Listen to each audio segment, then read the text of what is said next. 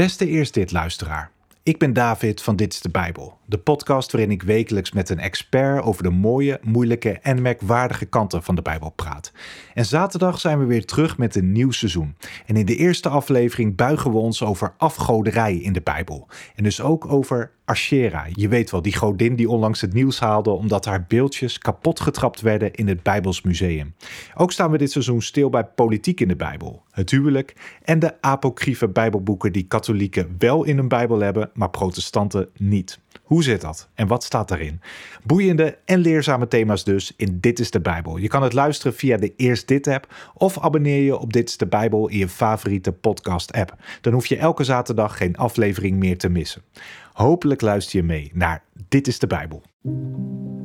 Eerst dit, de Bijbelpodcast van de Evangelische Omroep, IZB en NPO Radio 5, die je elke werkdag helpt ontdekken wat Jezus volgen voor jou betekent.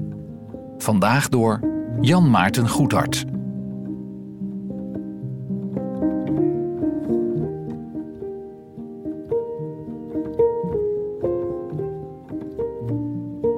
Wij lezen vandaag Matthäus 21, vers 32 tot 46, waarin Jezus opnieuw een gelijkenis vertelt.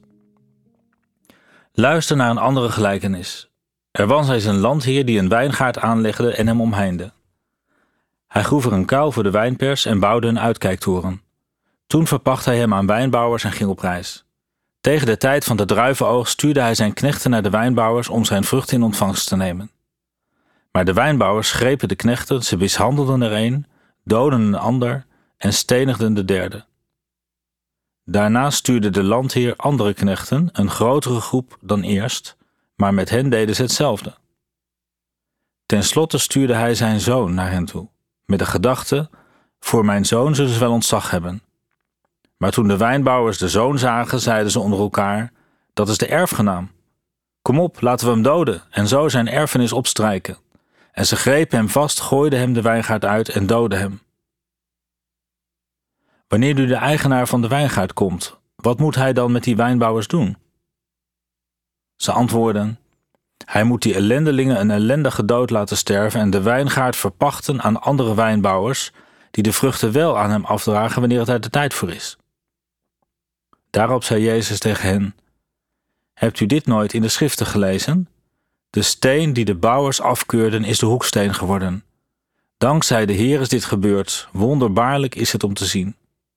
Daarom zeg ik u: het koninkrijk van God zal u worden ontnomen en gegeven worden aan een volk dat het wel vrucht laat dragen. Wie over die steen struikelt, valt te pletter, en degene op wie die steen valt, wordt vermorseld.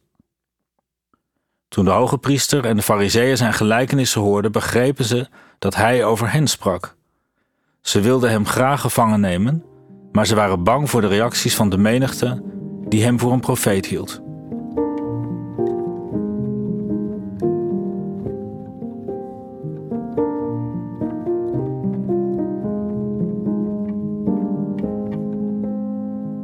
In deze gelijkenis houdt Jezus de Joodse leiders een spiegel voor. Al door de profeet Jesaja is gesproken over Gods volk Israël als een wijngaard die de Heer heeft geplant in de hoop dat zij vrucht zou voortbrengen. In dit verhaal zijn het de pachters van de wijngaard die de Heer van de wijngaard keer op keer teleurstellen. Niet alleen weigeren zij de eigenaar de opbrengst te geven waar hij recht op heeft, maar zij mishandelen en doden zelfs de knechten die namens hem de oogst opkomen halen. Tot hij uiteindelijk zijn eigen zoon stuurt in de verwachting dat ze die toch zeker zullen respecteren. Maar ook die brengen ze om het leven in de hoop zelf de wijngaard te kunnen verkrijgen als er geen erfgenaam meer is. Het is een bizar en aangrijpend verhaal. Welke pachters durven zo ver te gaan?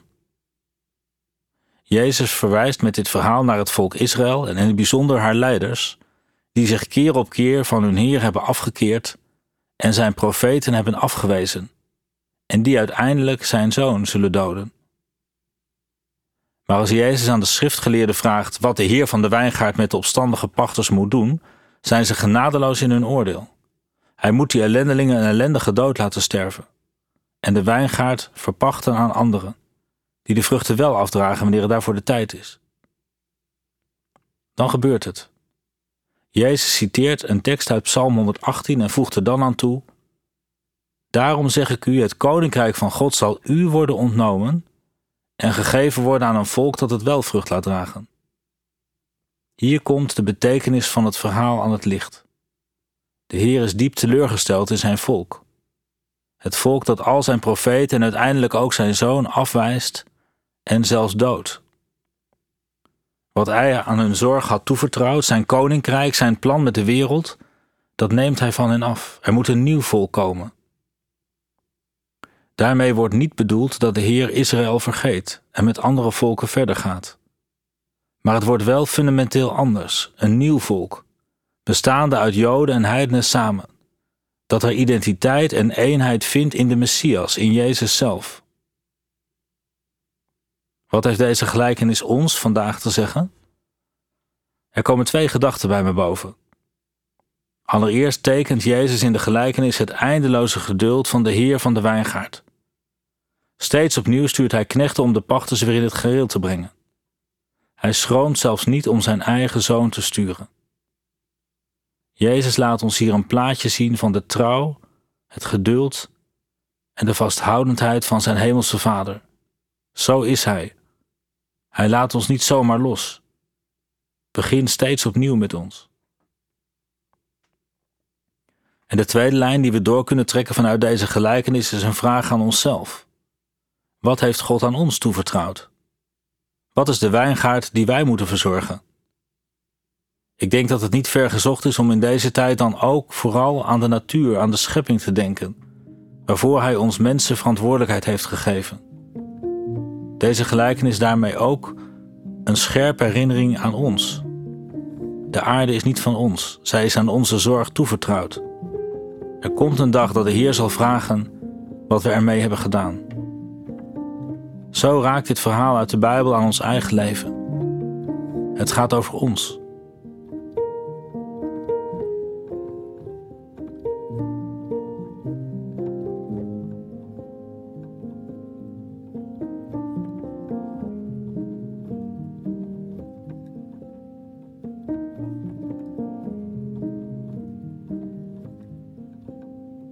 Goede God, u die de Heer van de wijngaard bent, wat is het bijzonder dat u de schepping en ook uw koninkrijk aan de zorg van mensen hebt toevertrouwd. Wij bidden u, maak ons goede beheerders van al uw gaven. En heb geduld met ons. Wees ons genadig, als ook wij het af laten weten.